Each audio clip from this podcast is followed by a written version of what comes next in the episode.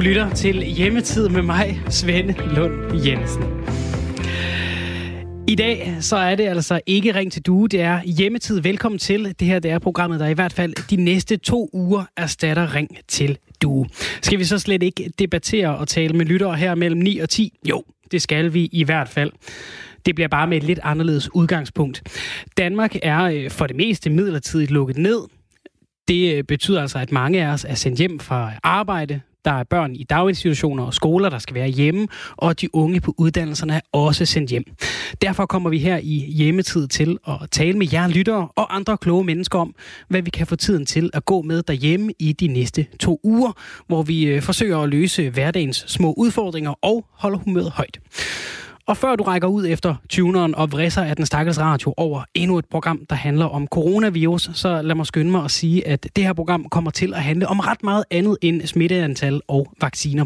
Hvis der sker noget vigtigt, mens vi sender, så fortæller vi det naturligvis, men ellers så har vi jo nyhedsoverblik hver hele og halve time. Udgangspunktet lige nu er, det er jo, at øh, mange danskere er hjemme, og det er altså det, vi prøver at øh, tage lidt fat på her mellem 9 og 10 de næste to uger. Har du lige pludselig børn rendende, du nærmest havde glemt, du havde, og skal have gang i dem på en eller anden måde, mens du står for madlavning, rengøring, indkøb og øh, få presset en 7 timers hjemmearbejdsdag ind, eller sidder du alene, fordi du er i karantæne eller i risikogruppen, så er du øh, landet det helt rigtige sted lige her. Det her det er et øh, landstækkende radiofællesskab, der kommer til at øh, leve og blomstre de næste to uger, i hvert fald til en begyndelse. I dag er øh, første dag, hvor alle skoler, efterskoler, højskoler, daginstitutioner skal være lukket, og øh, mange familier skal for alvor til at indrette sig på hjemmetiden. Nogle har måske allerede været i gang i øh, nogle dage. Jeg kan da sige, som far i en børnefamilie, så var det til at overskue, da statsministeren sagde to uger i sidste uge. Så har vi haft en weekend at begynde på. Lidt mere, hvis man begyndte torsdag. Der, der er allerede gået, gået ret lang tid, inden vi gik i gang med de her øh, to uger. Derfor vil jeg gerne høre fra dig, der lytter med. Hvordan går det med at være hjemme? Hvad er udfordringerne? Hvad er fordelene? Måske har I nogle gode råd til, hvad man skal foretage sig sammen og hver for sig. Ring 72 30 44 44, eller skriv en sms til 1424. Skriv R4, altså det er mellemrum, og så er din besked.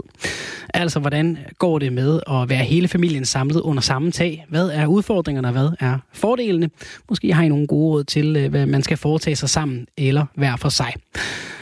Og normalt her i Ring til Due, så plejer vi at øh, introducere et lytterpanel omkring det her tidspunkt i programmet.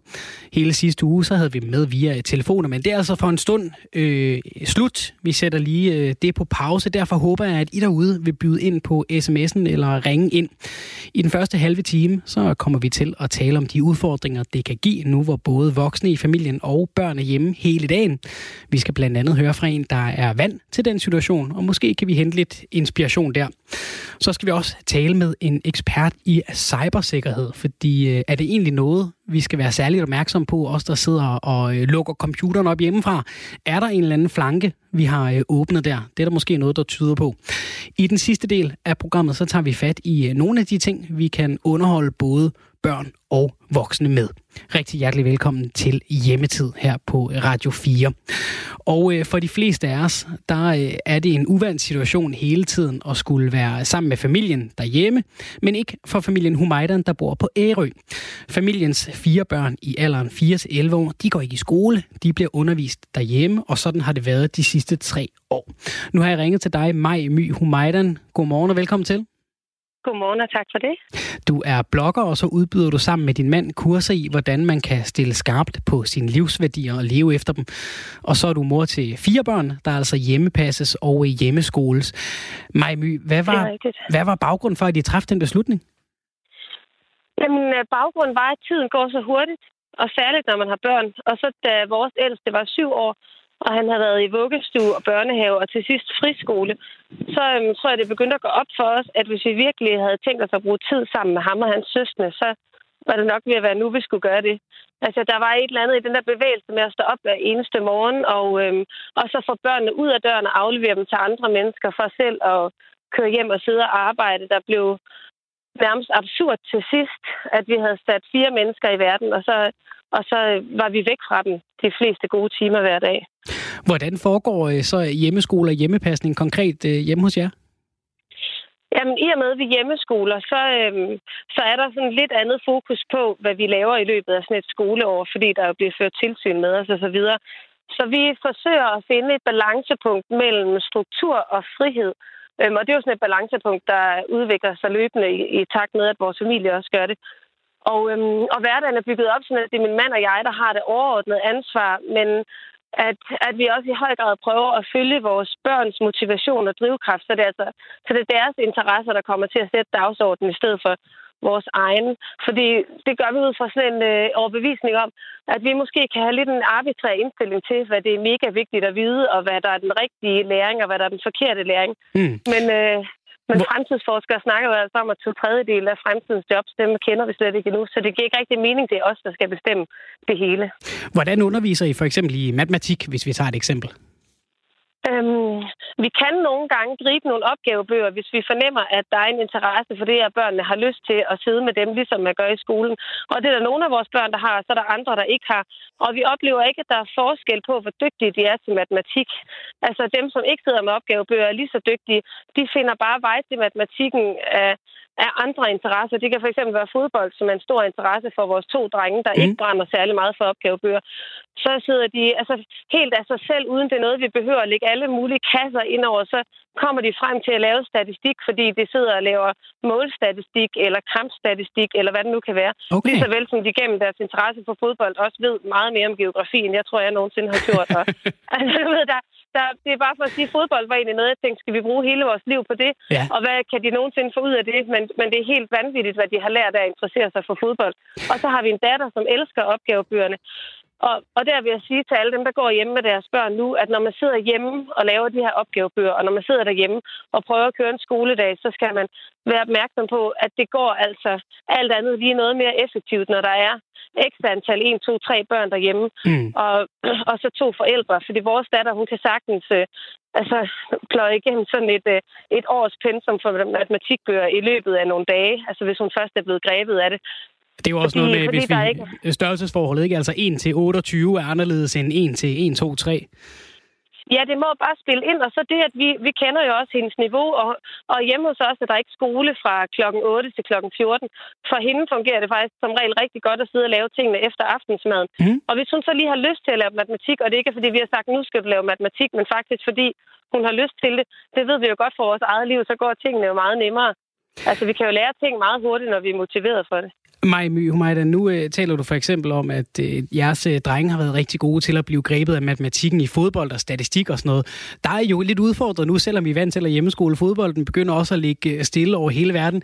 Er der noget anderledes for jer nu, hvor, hvor, øh, hvor øh, det er udenom værende samfund og, og skole er gået lidt i stå, eller, eller fortsætter I, som I plejer? Ja, ej, det er der, men det er bare selvfølgelig på ingen måde lige så markant, som det er for de fleste andre familier. Men der er jo det, som du siger, at fritidsaktiviteterne er lukket ned. Og så er der også det, at alle de andre børn er hjemme, så selvom vi ikke må se dem, og det vil sige, det tager vi virkelig bogstaveligt hos mm. os. Vi har meget stor respekt for forsigtighedsprincippet den her sag, så er de jo lige pludselig hjemme på den måde, at de er online, og det plejer ikke at være en ret stor del af vores hverdag. Altså, vores børn har ikke prøvet at FaceTime før, eller sidde og spille Minecraft online, men det gør de faktisk nu, har vi besluttet de næste uger. Så, så for dem er der i virkeligheden en større kontaktflade, selvom det okay. så bliver uden det fysiske samvær. Er du, bange, øhm, er, du, ja. er du bange for, om de møder ind til hjemmeskolen, når de her to uger er slut?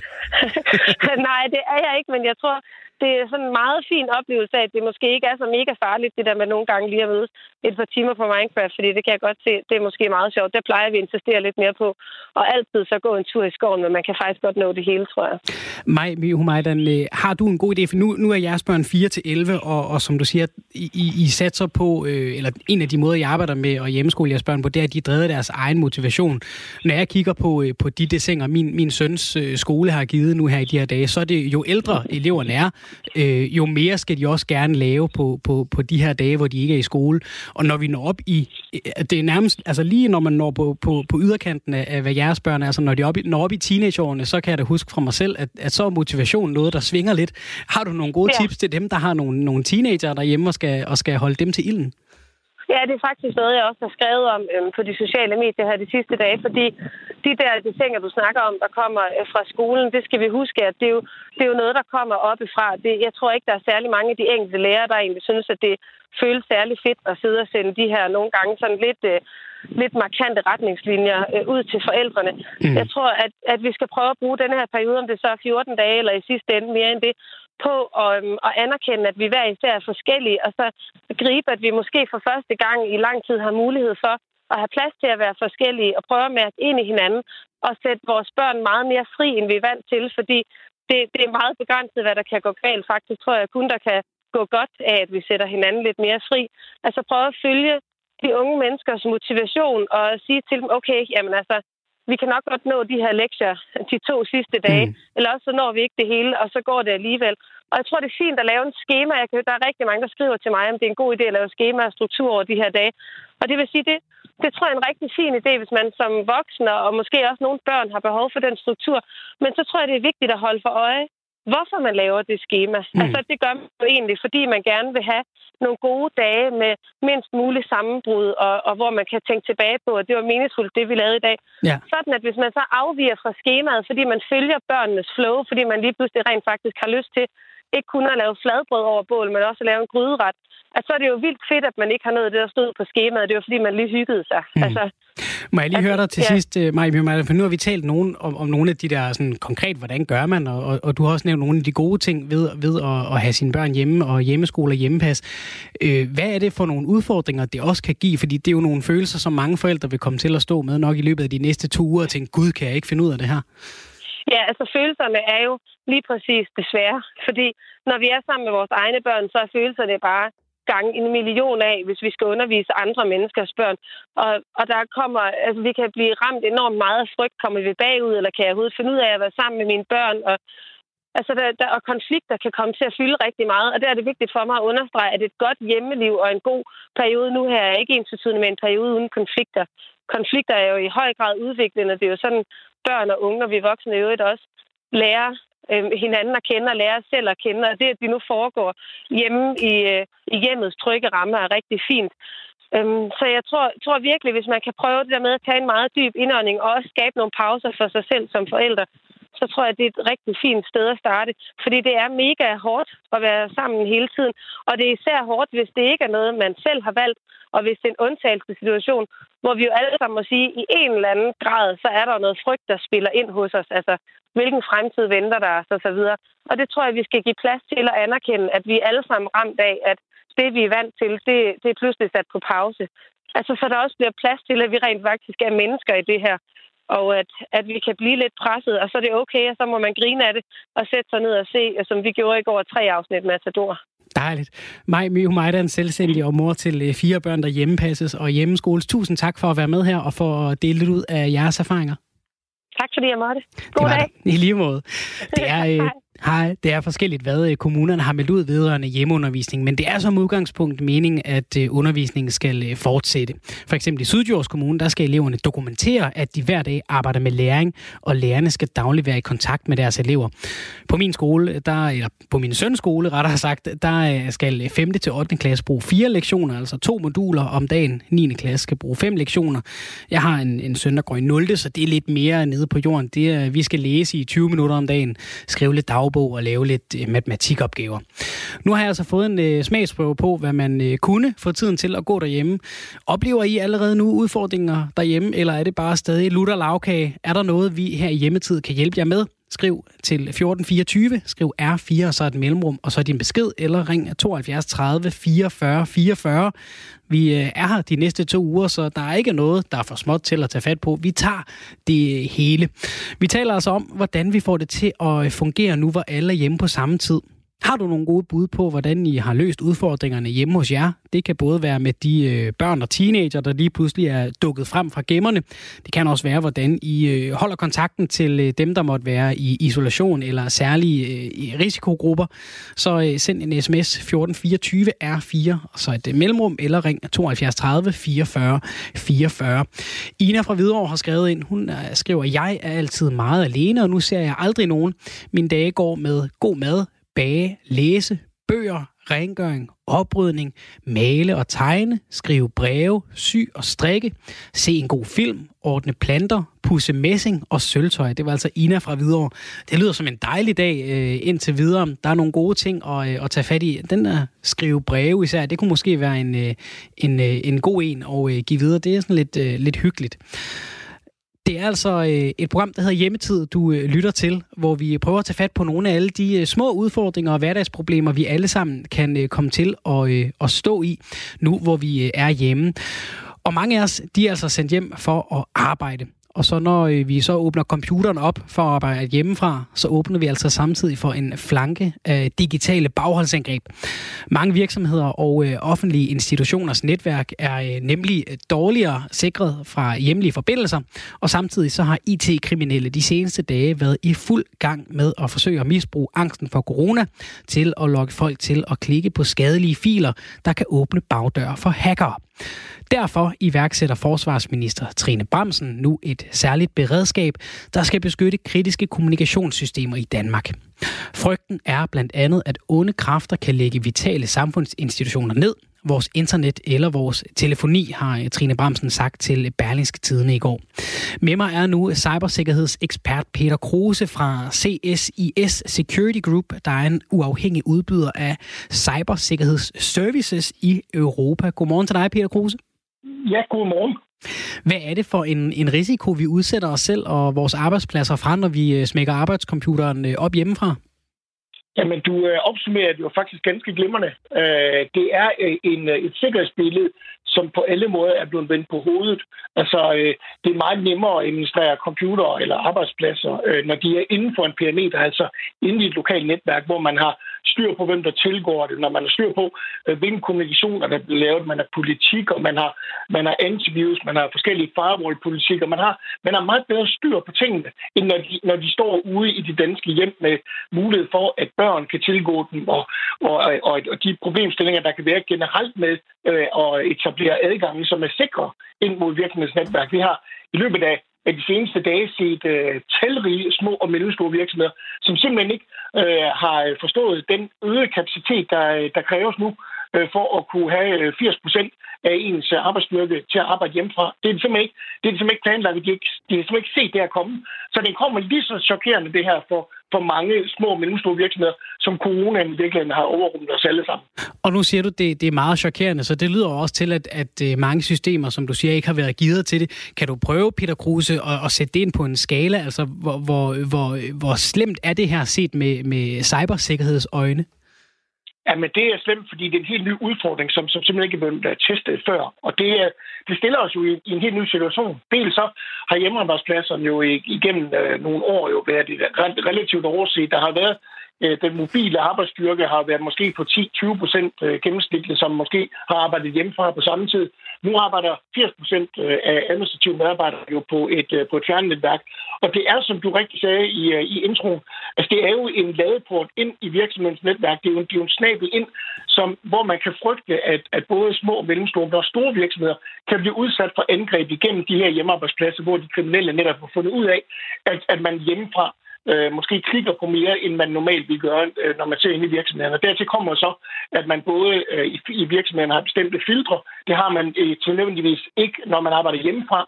Og lige snart man kan lokke med noget, som er spændende, for eksempel seneste nyt om corona, og man ikke lige har en kollega, der sidder ved siden af en, hvor man lige kan spørge, mm. ser det her rigtigt ud? Så, så lander man måske i en situation, hvor man skal træffe en dum beslutning og kommer til at klikke på noget, man ikke skulle have gjort. Og Peter Kruse, er det her sådan en, en teoretisk snak, hvor vi siger, at det her det kunne ske, eller er I allerede begyndt at se eksempler på, på det her? Jamen, øh, altså, lige nu er, er det måske mere teori. Altså, vi, vi har jo i hvert fald det, som, som du ridser op, nemlig at det kan være indgreb mod, mod kritisk infrastruktur. Det kan bruges som springbræt ind mod kritisk infrastruktur.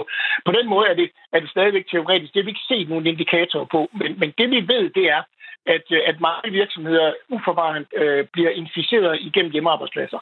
Og, det, øh, og mange, nu havde vi faktisk en sag her for et par dage siden, hvor at, at det netop, undskyldningen netop var, at jamen, det var min søn, som havde adgang til den der hjemmearbejdsplads, som klikkede på det her link. Og mm. det, er jo, det, er jo ny, det er jo en ny virkelighed. Vi, vi befinder os lige ligesom alt muligt andet med det her corona. Hvad, hvad kommer der til at ske de, de næste par dage? Kunne du give et bud på det? Jamen, øh, det bedste bud vil være, at vi vil se øh, de IT-kriminelle øh, øh, yderligere skrue op for, øh, for corona øh, spambølgerne. Og det, det er jo en, en, øh, noget, som optager alle mennesker, og, øh, og, og det, det er oplagt, at når det er i medierne, og det har fylder så meget i, i, vores, i vores dagligdag, så når vi modtager e-mails, og der står noget med corona, så er vi måske øh, tilbøjelige til at, at klikke lidt mere, uden at tænke os om. Så, så det, jeg, jeg appellerer til, det er i særdeleshed, når man arbejder hjemmefra, at man udviser det, man kalder god internethygiejne, ligesom alle mulige andre, men simpelthen tænker sig godt om, inden man klikker på noget, fordi øh, de her angreb kan meget nemt øh, risikere også at gøre livet endnu surere, end det i forvejen er for rigtig mange danske virksomheder. Øh, fordi man skal ikke til at bøvle med, med ransomware og virus oven i alt det her, vi bøvler med i forvejen. Så man skal lidt tænke på alt, man klikker på som et dør- dørhåndtag, og så lige spritte sin cursor af ved lige at tænke godt over det en ekstra gang? Det er et meget, meget smukt billede. Det, det, det, det eller om, om, om man vil, så kan man også kalde det et internetkondom. Men det er i hvert fald ret vigtigt, at man udviser sund fornuft, og, og, man, og man skal være klar over, at adgang ind til ens virksomhedsnetværk er det samme, som hvis man sidder i netværket. Så man skal selvfølgelig øh, udvise øh, respekt og, og god fornuft. Og nu hvor, hvor så har, har forsvarsminister Trine Bremsen udtalt sig om det her, hvad, hvad er det for et beredskab, øh, staten har i, i sådan en situation? Fordi det er jo, hvad kan man sige, når, når dig og mig og alle mulige andre åbner deres computer, så er det jo en enormt øh, spredt risiko, øh, kan man sige. Ja, altså, der, der må man jo sige, at der har man jo etableret Center for Cybersikkerhed. Og Center for Cybersikkerheds rolle er i den her sammenhæng netop at overvåge, om, om der kan komme angreb mod kritisk infrastruktur. Det er deres, det må være det beredskab, som, som Trine hun refererer til. Uh, så det er, det er et, en meget, kan man sige, meget firkantet og, og, og udmærket etableret, at vi har et sådan beredskab i Danmark i form af Center for Cybersikkerhed. Men, men, øh, men, men vi står jo, altså, det, altså, det her er, er, er, er super problematisk, for som du rigtig siger, der er lige så mange forskellige internetbrugere, som der findes mennesker. Og, og, vi, og, vi, og vi omgår øh, de forskellige øh, muligheder, der er på nettet, på meget forskellig vis.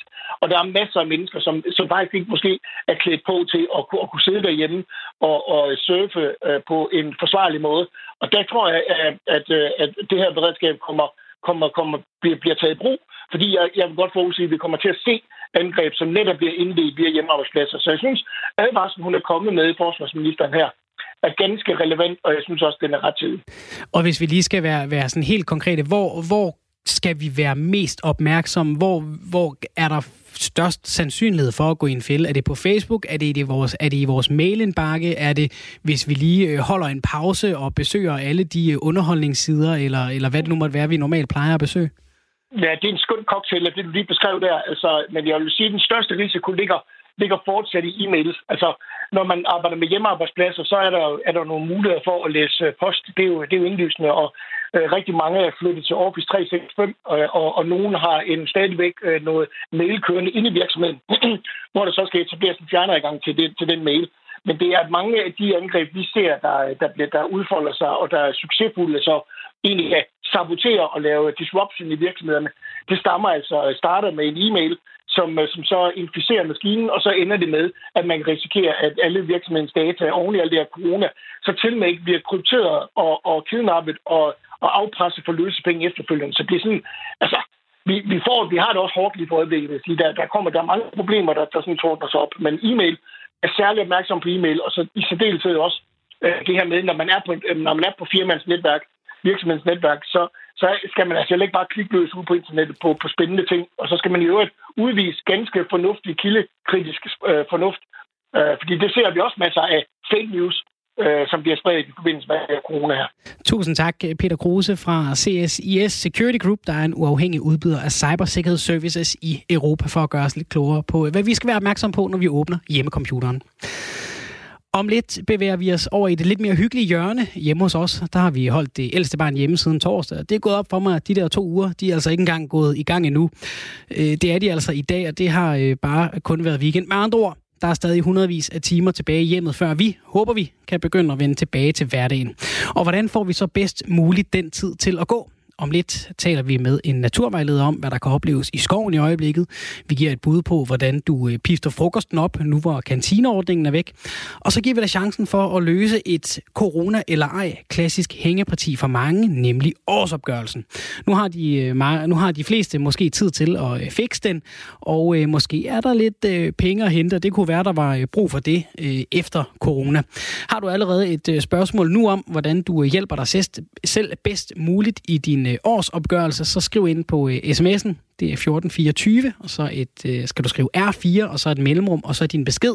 Så tager vi dem med, når vi taler med skatteeksperten lidt i øh, 10. Nu skal vi have et nyhedsoverblik med øh, Dagmar Eben Østergaard. Klokken er blevet 10. Det er blevet tid til nyheder her på Radio 4. En lynrettelse klokken den er kun halv ti, men vi starter altså her med nyhederne på bostederne for autister, der volder coronaviruset særlige problemer.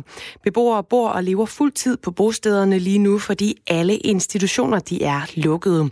De bor tæt op og ned af hinanden og er meget i kontakt med socialpædagogerne på stederne.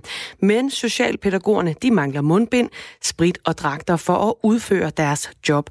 Det får landsformand, landsformand for autister Journalistforeningen Heidi Tamestrup til at advare om kaos på bostederne. Kritikken lyder på, at der ikke er nogen, der har sørget for at lave nogle restriktioner. Hvordan skal personalet passe på sig selv og på borgerne, sådan at de ikke bliver smittet, og sådan at de her bosteder ikke bliver, jamen, så der ikke opstår kaos. Altså, fordi det er det, vi ser frem til lige nu. Vi kan ikke undgå, at en beboer bliver smittet, og i det øjeblik, det sker, jamen så vil, så vil kaldskaben simpelthen bryde løs. Altså så kan vi ikke styre det mere. Så er det måske hele personalet, der bliver lagt ned. Sagde altså landsformand for Autistforeningen Heidi Tamestrup. Social- og indrigsminister Astrid Krav, hun afviser ikke, at der kan komme hjælp til bostederne snart. Og så er det klart, at der er en masse problemstillinger, der kommer til at opstå, som vi ikke har svar på på forhånd, fordi det her er en situation, vi ikke har prøvet at stå i tidligere. Og derfor er det jo virkelig godt, når, øh, når, øh, når Landsforeningen Autisme øh, råber op, som de gør. Øh, og vi har tæt dialog med, øh, med Danske Handicaporganisationer, øh, KL, fordi det er klart, at vi skal jo øh, løse de her problemer, som de opstår. Den frie bevægelighed over den dansk-tyske grænse er sat på standby. Det er virkeligheden her fra mandag morgen, hvor Tyskland lukkede grænsen mod Danmark kl. 8. Danmark lukkede grænsen mod Tyskland allerede i lørdags, og det er kun midlertidigt begge veje og borgere, der altså bor og arbejder på begge sider af grænsen. De kan stadig passere. Alligevel så sker det i hjertet på Tønders borgmester Henrik Fransen. Ja, men det er virkelig, øh, altså, det er jo næsten ikke til at holde ud og tænke på, at øh, vi, vi nu har lukket grænserne til Tyskland, netop når vi står i et genforeningsår men også fordi vi jo øh, også til dagligt har jo et fantastisk godt samarbejde med vores gode venner syd for grænsen. Henrik Fransen han forudser, at grænselukningen den får konsekvenser for turisme og detailhandel, men også psykologisk for borgerne i grænselandet. Turistbesøg er ikke defineret som et anerkendelsesværdigt formål, og derfor så vil turister altså ikke kunne passere grænsen. Der er cirka 600 tyskere, der dagligt pendler ind over grænsen for at arbejde i Tønder Kommune, og selvom de fortsat har mulighed for at krydse grænsen, frygter Henrik Fransen mere bøvl og besvær i deres hverdag. I Italien er borgere i flere byer begyndt at synge sammen fra altaner og vinduer for at øge sammenholdet i en periode, hvor Italien er lukket ned på grund af coronavirus. Siden da har sangfænomenet spredt sig til flere andre steder, herunder her til Danmark, skriver Jyllandsposten, der henviser til en række videoer på sociale medier. Eksempelvis så viser en video, der er lagt på Facebook, hvordan borgere på Østerbro de synger You've Got a Friend. På Nørrebro der samledes folk på altanerne på Torsgade glade for at synge Det er i dag et vejr. Ifølge Jyllandsposten har beboerne på Godsbanegade på Vesterbro arrangeret et lignende tiltag, hvor der blandt andet skal synges Der er et yndigt land i aften klokken 7. Også i Aarhus er et tilsvarende initiativ på vej. Her har en begivenhed på Facebook, der vil arrangere fællessang i Aarhus hver aften klokken 6, fået 250 personer til at tilkendegive, at de gerne vil deltage.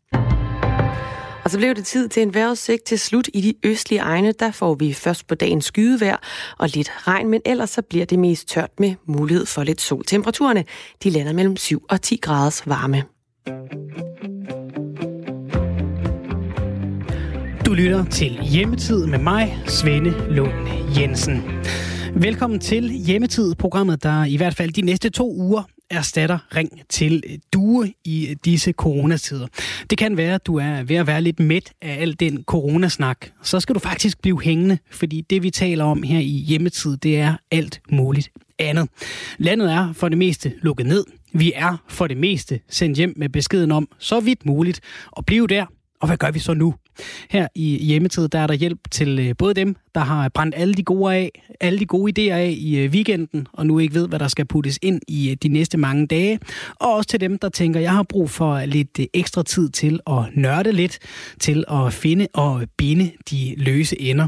Vi skal tage fat på det hele. Hvad kan børnefamilierne gøre? Hvordan kan du holde ensomheden stangen, hvis du er i isolation, eller hvis du er i en af risikogrupperne, altså må holde dig lidt mere for dig selv, end du plejer, og måske godt kunne tænke dig. SMS'en er åben, telefonerne er åbne. På den måde er alt som det plejer. Send en besked til øh, 1424, skriv R4 og så et øh, mellemrum, og så din besked eller øh, ring 72 30 44 44. Hvad får I tiden til at øh, gå med derhjemme? Har I nogle gode tips og tricks til øh, andre? så giv os et øh, kald eller en øh, besked. Vi kommer til at tale med jer lyttere og øh, andre kloge mennesker om, hvad vi kan få tiden til at gå med derhjemme de næste to uger hvordan vi løser hverdagens små udfordringer og øh, holder humøret højt her i krisetider. Hvert år i marts starter i kilometerlange cyberkøer på Skats hjemmeside, og øh, det er det altså, når øh, det er det tid til, når, når årsopgørelsen kommer.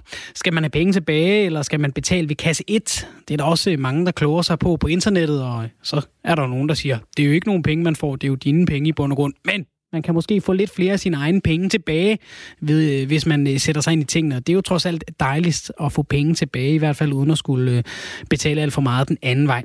Senere i programmet taler vi med en vaskeægte skatteekspert, så kan man lige komme lidt på forkant. Så hvis du har et spørgsmål til, hvordan du måske kan mindske det røde tal, der står på din årsopgørelse, eller hvis du gerne vil vide, hvordan det nu lige er, det fungerer med befordringsfradraget, så send en sms til 1424, skriv R4 og et mellemrum, og så tager tager vi dit spørgsmål med øh, senere i øh, interviewet med vores øh, skatteekspert. I lørdags, der havde vi en af årets klare, første klare solskinsdage, en vaskeægte forårsdag, og øh, selvom vi skal holde afstand til hinanden, og selvfølgelig ikke bevæge os udenfor, hvis et, vi har øh, fået konstateret covid-19, altså coronavirus, eller hvis der er symptomer, så kan alle andre godt nyde godt af solen. Det siger Allan Randrup Thomsen, der er professor i biologi til øh, TV2. Han har sagt, generelt er det bedre at opholde sig udendørs frem for indendørs, når det kommer til smitterisiko, fordi luften hurtigt fornyes udenfor. Dråberne, der kan indeholde virus, fortyndes simpelthen hurtigere udenfor. Myndighederne anbefaler generelt 1-2 meters afstand, også udendørs. Et af de steder, der er bedst plads til den slags afstand, det er netop i skoven og i den vilde natur. Goddag med dig, Mads Ellegaard, leder af Ishøj Naturcenter og øh, vildt formidler. formidler. Godmorgen, eller god formiddag. God formiddag. Hvis man øh, bevæger sig ud i de danske skove de næste par uger, hvad kan man så med fordel øh, kigge efter? Hvad sker der lige nu? Ja, der er jo de helt sådan typiske forårstegn. Altså anemoner er jo en klassiker, hvor man kan komme ud og se, at nu er foråret virkelig på vej. Men, men jeg synes faktisk, at en af de andre, der er lidt mere spændende ting, det er, hvis man kan bruge lidt god tid, og så øh, prøve at se, om man ikke kan finde øh, nogle af de unge humlebi-dronninger, som øh, lige nu er ude for at se, om de kan finde et godt sted at bygge bo. Noget af det, de leder efter, det er sådan gamle musehuller med lidt øh, musetis i. Det kan de rigtig godt lide at, mm. at være i. Så hvis man har god tid, så prøv at følge en humlebi. Og hvordan, hvordan følger man en humlebi? Hvordan finder man den? Hvad skal man kigge efter? Jamen, vi har jo 29 forskellige arter af, af humlebier herhjemme, og mange af dem er, er dyr, som lægger æg øh, nede i jorden. Så øh, man skal egentlig både have øjnene oppe og nede. Øh, man kan jo se efter i haverne eller ude ved, ved skovene, hvor der er godt med varme, så kan man være heldig til, se, at de, øh, de flyver rundt. Og øh, hvis man nu skal have noget med hjem, man kan øh, spise, er der så nogle gode råd, hvis man vil ud og samle lidt urter i naturen? Hvad skal man være forsigtig med, og hvad, øh, hvad er der er godt at tage med hjem lige nu? Jamen, det er, det, lige nu er det fuldstændig fantastisk, fordi det er jo foråret, der kommer, det er de vilde urter, der begynder at komme op. Og øh, man, skal, man skal faktisk ikke være bange. Man skal nærmest øh, prøve sig man kan jo altid gå på, på vildmad.dk og se efter de forskellige urter og læse hjemmefra. Men lige i øjeblikket, så er der altså, der er i hvert fald tre, som jeg gerne lige sådan vil, vil fremhæve. Den ene, det er omkring, øh, det er løgkasse, mm-hmm. som er sådan en lille toårig plante, der har lidt hjerteformet øh, takket blade, som smager fantastisk af, af råløg. Den anden er øh, den lille marsviol, som er sådan øh, jo både meget, meget smuk at se på en forårsbebuder, men som man faktisk også kan tage med hjem og for eksempel kandisere øh, ved hjælp af æggeblommer og, og flormelis, og så bruge som en del af sin dessert. Mm-hmm. Men den aller, allerbedste lige nu, det er vel, øh, det er vel nok ramsløgn. Okay. Altså, fantastisk plante. Ja. Hvad er det, hvis vi siger sådan, hvis vi nu slår de tre sammen og alt det andet, hvad er generelt det gode ved at tage lidt vild natur med hjem i, øh, i samtalekøkkenet? Altså først og fremmest så synes jeg, at det er fordi, man kommer ud og får besøgt vores øh, fantastiske natur. Man får en udforsket på forskellige dele af året. Men så er det jo også bæredygtigt. Det er lige øh, uden for døren. Og så er øh, madlavning jo vel den øh, bedste teambuildingsøvelse, man overhovedet kan komme, komme på. Så der er mange gode grunde til at gøre det. Mads Ellegaard, leder af Ishøj Naturcenter og øh, Vild Madformidler. Tusind tak for, at du var med her. Det var så lidt. God tur derude. Tak.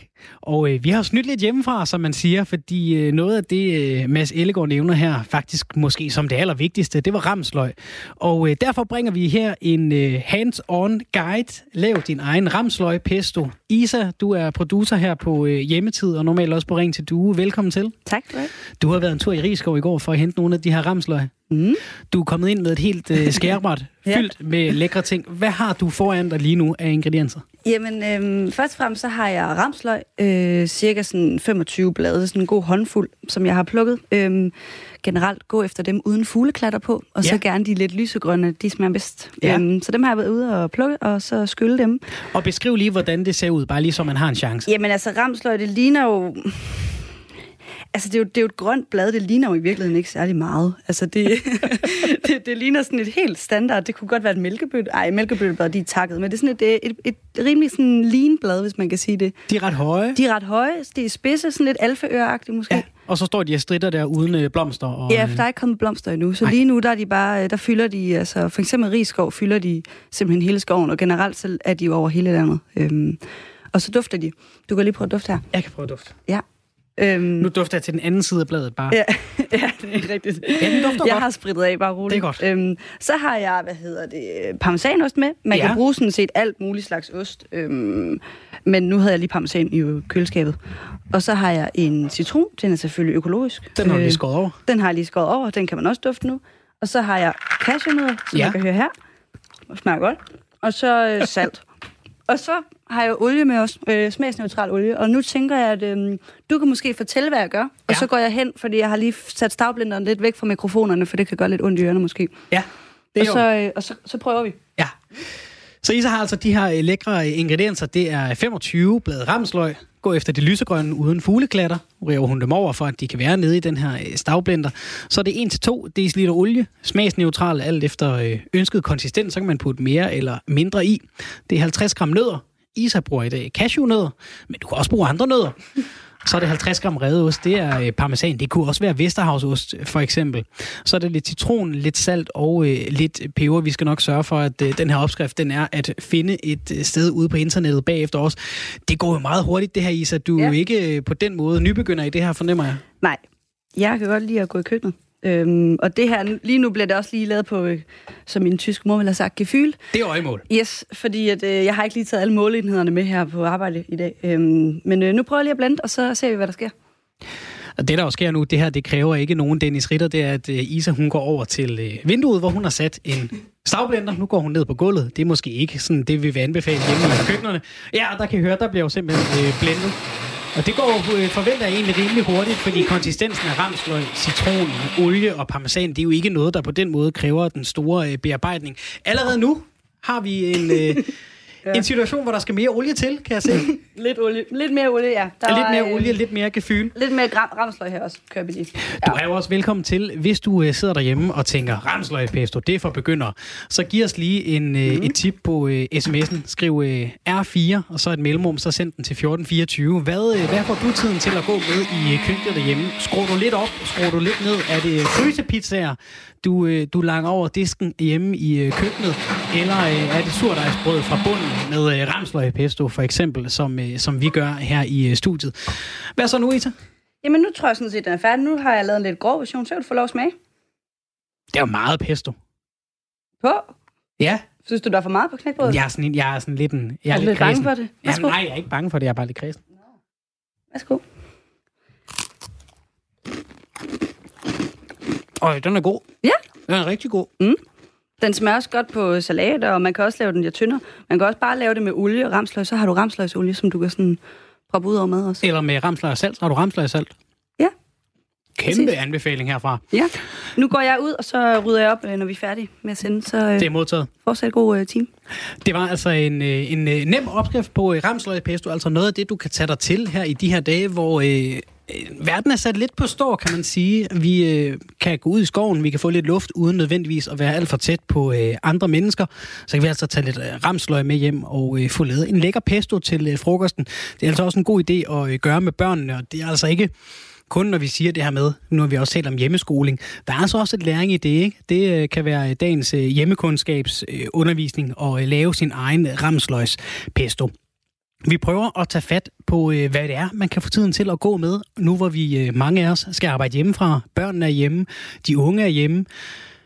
Send en sms til 1424, skriv R4 et øh, mellemrum, eller ring 72 30, hvis du har nogle gode idéer til, hvordan vi kan få tiden til at gå alle sammen. Mads Ellegaard, er du stadig med mig her? Det kan du tro. Lytter du med til øh, Isas øh, ramsløgs pesto opskrift? Hvad, kan vi få en vurdering? Jamen, jeg, jeg tænker faktisk, at I er fuldstændig på rette spor. Altså, og især fordi I bruger jo ramsløg, som er en, en plante, man kan bruge øh, både med, med bladene og med blomsterne og med knopperne. Det er jo en fantastisk plante, så det er bare om at komme i gang. Det er godt set. Så man skal ikke være så, når du siger med, med, blad, med både altså blade og knopper og blomster, man skal, ikke være så, man skal ikke være så bange for bare at tage fat ude i naturen. Nej, altså det eneste, jeg vil sige, og det er jo nødt til at sige, at med ramsløg, altså, så den kan godt forveksles med lille, lille konvalt. Og det er vigtigt. Men, ja, men, men øh, er man i tvivl, så lige øh, bræk en, en del af bladet af, og nuller det mellem øh, fingrene og snus til det. Og hvis det dufter af hvidløg, så er du, så er du sikker på, at det er ramsløg. Fordi det gør lille konvalt ikke. Og lillekonvallen, den bliver først farlig, hvis vi rent faktisk spiser den, ikke hvis vi nuller den mellem fingrene. Nej, det er nemlig rigtigt. Det er godt. Tusind tak, Mads Ellegaard. Det var en fornøjelse. Tak lige måde. Vi prøver altså at øh, få sat lidt ord på, hvad kan man få øh, tiden til at gå med i de her tider, hvor øh, der er blevet skruet lidt ned på øh, lav plus over øh, hele landet, og øh, hvor øh, anbefalingen altså også er, bliv så meget muligt indendørs. Øh, lad være med at, øh, at gå ud og øh, mængder med øh, venner og øh, bekendte, i hvert fald lige de næste to uger. Det tror jeg godt, vi kan klare, og så for at vi ikke alle sammen får øh, pip af at sidde indenfor, så prøver vi altså at tage fat på, øh, hvad det er, man kan få øh, tiden til at øh, gå med. En af de ting, det kunne være at øh, se en øh, god film. En af de største dokumentarfilmfestivaler i verden, den hedder Copenhagen Docs, og øh, man skal ikke være raketvidenskabsmand for at regne ud, at den har hovedsæde i København. Festivalen, der begyndte i 2003, slog rekord i øh, 2018, hvor besøgstallet endte på mere end 110.000 besøgende. Den 17. udgave skulle have været startet her onsdag den 18. marts. Det bliver der, som øh, man nok kan regne ud, ikke noget af. Nu har jeg dig, øh, Tine Fischer, administrerende direktør i Copenhagen Docs, med på en telefon. Velkommen til. Tak skal du have. Hvornår gik det op for jer, at I var nødt til at øh, aflyse jeres øh, filmfestival? Det gjorde det midten af sidste uge. Jeg vil sige, det var... Altså, det, vi, vi uh, ugen før vi aflyste, uh, pendlede vi ind imellem og sige til os selv, vi afvikler, fordi mm. at sundhedsmyndighederne siger, at det må vi godt Ja. se, at vi tænkte, vi afvikler ikke, for det er fuldstændig vanvittigt, Ja. det der er ved at ske. Der var på et tidspunkt, hvor det virkede som en realistisk mulighed at, at sige, jamen så holder vi hver anden plads fri, eller et eller andet. Der var i hvert fald et tidspunkt, hvor man tænkte, det er uansvarligt at samle så mange mennesker i biograferne. Ja. Hvad, øh, hvad tænkte du, da, da de gik op for jer, at det bliver ikke til noget, det her? Det er, jo ikke, det er jo ikke noget, man bare forbereder på en uges tid, sådan en festival. Nej, altså jeg, jeg tænkte, altså jeg havde nogle dage op til, men selvfølgelig også i det øjeblik, hvor vi tog beslutningen, hvor jeg bare var rigtig, rigtig, rigtig ked af det. Ja. Øh, altså vi arbejdede, det ene er, at vi har arbejdet et år på Skabsfestivalen, altså denne her udgave, men vi har jo arbejdet rigtig mange år på at, at gøre det til en stor festival. Mm. Og udover de der øh, over 100.000 mennesker, der ser film, så kommer der også øh, 2.000 internationale øh, branche øh, filmfolk for at lave forretning rundt omkring film. Så det er jo en kæmpe, det er sådan en kæmpe stor skib, man lige pludselig skal vende om og sejle i en helt anden retning.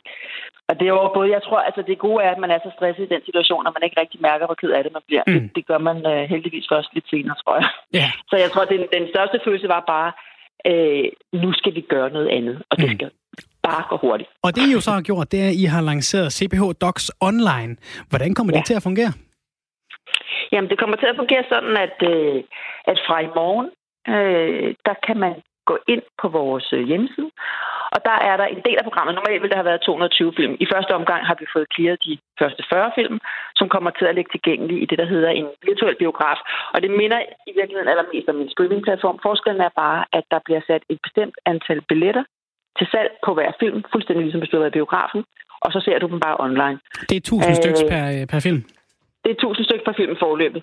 Og det, det er jo rettighedsspørgsmål i forhold til dem, som ejer filmene. Så, øh, og det er den type rettighed, vi har som festival. Det er at sælge billetter og ikke bare lægge dem til free streaming. Mm. Og det kommer til at koste 6 euro per øh, film? Ja, 45 per film. Hvordan, øh, hvad, hvad, hvilke muligheder giver det her jer som, øh, som filmfestival at skulle tænke ud af boksen på den her måde? Altså, det, jeg, jeg sidder jo og tænker som, som en, der bor i en anden del af landet. Jeg, jeg jeg har tit set øh, film på jeres program, hvor jeg tænkte, ej, den gad jeg godt at se. Altså, er der måske egentlig potentiale for, at det her, det kunne, øh, når det nu endelig skal være, kunne være en god ting for jer? Altså, jeg vil i hvert fald sige, at nogle af de ting, vi har tænkt over for digitale løsninger hen over de seneste år, øh, og som vi ikke er gået i gang med, og det er vi ikke af mange grunde, også fordi at der er selvfølgelig det hensyn, at vi gerne vil lave en festival for biograferne og i biograferne også. Ikke? Men øh, nogle af de løsninger, som har været svære både at finde og tage, dem har vi nu fundet og taget på meget, meget kort tid. Mm. Så man kan sige, at i år bliver jo øh, den gigantiske store test på, hvad, hvad kan det her digitale? Og det er da helt klart, at, øh, at det kommer vi formentlig også til at se ind i øh, fremadrettet, fordi selvfølgelig er der folk, som ikke enten... Altså nu viser vi godt nok film i hele landet, øh, men øh, der er jo folk, der sidder derhjemme, mm. som ikke kan komme i biograferne i en eller anden grund. Så det bliver jo også en mulighed for faktisk at få festivalen ud på en helt anden måde, end vi har gjort tidligere. Tine Fischer, der er jo også masser af, filminstruktører, som jo så øh, har arbejdet hårdt med deres film, og som, som nu må indse, at de bliver set på en anden måde, end det var tiltænkt. Hvad har I fået reaktioner fra dem helt kort? Altså jeg vil sige, at, det, at samtidig med, at det jo er sådan en lidt ulykkelig situation at stå i, så har det også været den vildeste oplevelse, fordi der er, og det tænker jeg også, der er mange andre steder i verden lige nu, på alle mulige andre, i alle mulige andre sammenhænge, der er en følelse af fællesskab, som er sådan helt ekstraordinær. Så folk siger jo ja til ting, som de aldrig ville have sagt ja til. Mm. Øh, og det betyder både, at producenter og filminstruktører har været så vildt generøse. Og vi har sendt, vi har bedt dem om at lave små videointroduktioner til deres film, og de sender ind, og vi laver live-debatter efter filmene, og altså alle er med på at gøre noget andet, end de havde forventet. Og, og selvfølgelig er filminstruktørerne ked af, at deres film ikke får verdenspremiere en biograf. Men de tager også bare, jeg vil ikke sige kun chancen, men de siger også, prøv at høre her, vi bliver bare nødt til at gøre noget andet i, mm. i de omstændigheder, vi er nu.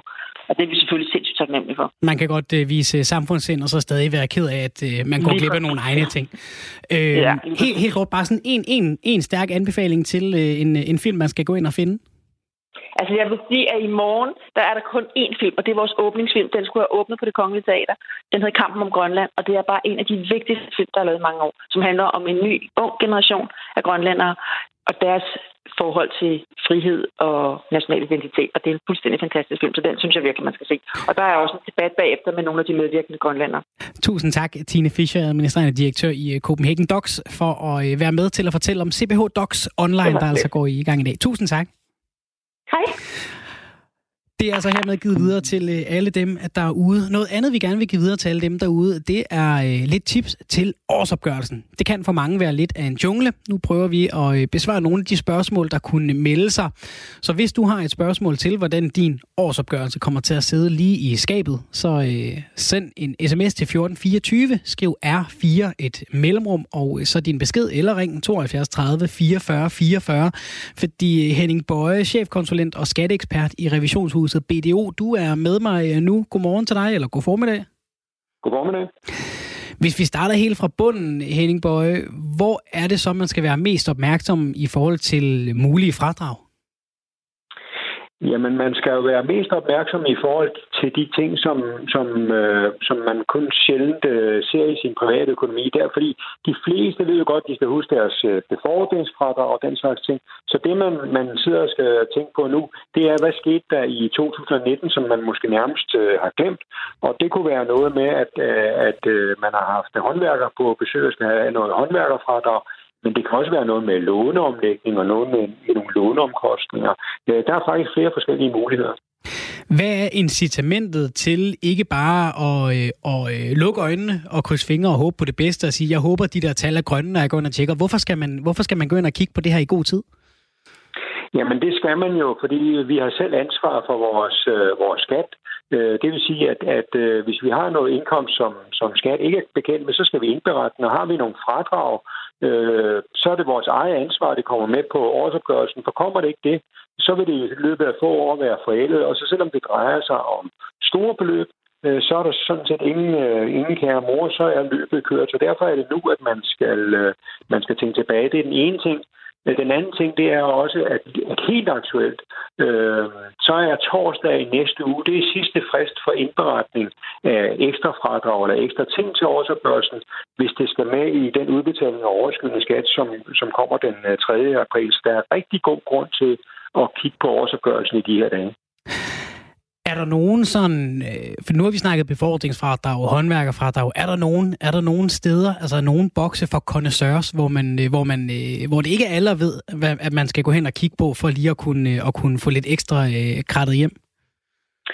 Ja, for det første, så er der jo øh, så er der det med dem, der har gæld til det offentlige. Der er jo cirka 1 million danskere, som har et mellemværende med gældstyrelsen øh, af forskellige art. Øh, og langt de fleste betaler renter til, øh, til gældsstyrelsen, hvis de betaler af på deres øh, gæld, enten via afdrag, eller fordi de bliver modregnet i noget af de penge, de skal have tilbage. Øh, og i mange situationer, så vil der ved meget af det, man betaler tilbage, det vil være renter, som man kan trække fra på årsopgørelsen. Men det er overladt til langt de fleste selv at finde ud af, hvor meget øh, der kan trækkes fra, og, øh, og der er mange, der har behov for at ringe til, til, undskyld, til Gældsstyrelsen for at finde ud af, hvor mange renter de har betalt i 2019, og hvor mange af dem de så har fradrag for. Øh, det var det ene, jeg kunne have lyst til at nævne. Det andet, det er, at, at øh, der er også mange, der, der glemmer, at, øh, at vi her i landet, så har vi mulighed for at trække tab fra, hvis man har støttet et, øh, et, et hvis man har skudt penge i et anpartsselskab, har man, har man støttet et et lokalt bryggeri øh, ved at købe for 10.000 kroner anparter i sådan et selskab, og det ikke er gået så godt, det vil sige, hvis selskabet går konkurs, så har man jo fradrag for tabet i sin indkomst. Og det er der desværre rigtig mange, som ikke er klar over og ikke får indberettet sådan nogle fradrag. Det er sådan et, et, et populært øh, standpunkt at sige, at det er altid bedre at få, øh, at få tilbage, end at skulle betale. Er det dumt at bruge forskudsopgørelsen som en lille opsparing? Nej, det, det, gør, det gør rigtig mange. Altså sidste år var der jo, var der jo 3,4 millioner danskere, som fik penge tilbage i skat ved den første udbetaling. Det svarer til sådan, øh, øh rundt regnet 3 ud af 4 danskere, der får penge tilbage. Og i gennemsnit fik vi alle sammen øh, små 5.000 kroner. Så der ligger jo en bevægelse i, at, at, at vi alle sammen selvfølgelig hellere vil have lidt øh, for meget tilbage, end at, end at skulle få en, en, en lille restskat. Og, og der er jo forskellige tricks, man kan bruge, øh, øh, hvis man er sikker på at få, få overskydende skat. Det ene det er jo, at, at man kan jo forskudsregistrere sig øh, for lavt. Det er altså selv sætte sin fradrag for lavt på forskudsopgørelsen. Og en anden mulighed er at bede sin arbejdsgiver om at sætte trækprocenten lidt op. Og det er der rigtig mange, der gør. Henning Bøje, chefkonsulent og skatteekspert i revisionshuset BDO. Nu er der jo så også rigtig mange, der sidder og arbejder hjemmefra. Er der noget fradrag at hente i den situation? Øh, der er, sikkert, øh, der er sikkert mange, der tænker, at man må da kunne få fradrag for, øh, for, noget, for den udgift til strøm og, og internetbrug og sådan noget, når man nu sidder og arbejder hjemmefra. Og det kan man også i princippet, men betingelserne for at få fradrag for det, man kalder arbejdsværelse i hjemmet, de er frygtelig strenge, så i praksis er der stort set ingen, der opfylder betingelserne. Fordi det kræver nemlig, at man har indrettet et helt særligt værelse, i sin, øh, på sin bogpæl, hvor man, hvor man arbejder, og det skal være nødvendigt for at øh, udføre arbejde. Og i øvrigt er det kun udgifter ud over et bundfradrag på, på lige over 6.000 kroner, som man kunne trække fra. Så det er i praksis stort set umuligt at få fradrag for udgifter, man har ved at arbejde hjemme. Og det er måske heller ikke, som man gør sig allermest populær, når man kommer tilbage på arbejde om to uger og øh, går ind og spørger chefen til øh, coronafradraget. Tusind tak, Henning Bøje, chefkonsulent og øh, skatteekspert i revisionshuset BDO, for at hjælpe os alle sammen med lige at få en øh, lille 20-start på årsopgørelsen, og hvordan man altså måske kan øh, få det allerbedste ud af det. Tusind tak, Henning. Selv tak. Det var, øh, hvad vi nåede i øh, dag i dagens udgave af Hjemmetid. Vi øh, opfordrer til, at du giver lyd fra dig i programmet i morgen og resten af ugen de næste to uger. Det er lidt sjovere, når I snakker med. Lad os høre, hvad det er, der rører sig hjemme hos jer. Hvad får I tiden til at gå med? Hvis du sidder derude og er i den ældre generation og tænker, hold nu op med at brokke jer alle jer, der skal have jeres børn hjemme. Det gjorde vi også i gamle dage, og der var børnene jo bare med til at arbejde. Så send lige et godt tip ind på øh, sms'en. Det er 1424 R4 et øh, mellemrum, og så et øh, bud til, hvordan man får tiden til at gå både med børn og øh, uden. Hvad er et godt tip til at holde ensomheden stangen? Vi øh, hørte fra Ina tidligere på morgenen, der øh, pusser messing og sølvtøj og læser bøger og laver mad og skriver breve. Det er også altså en, en, en, en, den tabte kunst, den glemte kunst, kan man sige, det der med at øh, skrive breve. Så måske øh, se om du kan bruge lidt tid på både at lære øh, at lave TikToks med øh, ungerne, men måske også lære ungerne at øh, skrive et øh, brev i ny og næ. I redaktionen var øh, Lene øh, Brun Jul og øh, Isa Kowalski Samuelsen. Tusind tak for i dag. Mit navn er Svend Jensen. Klokken er 10.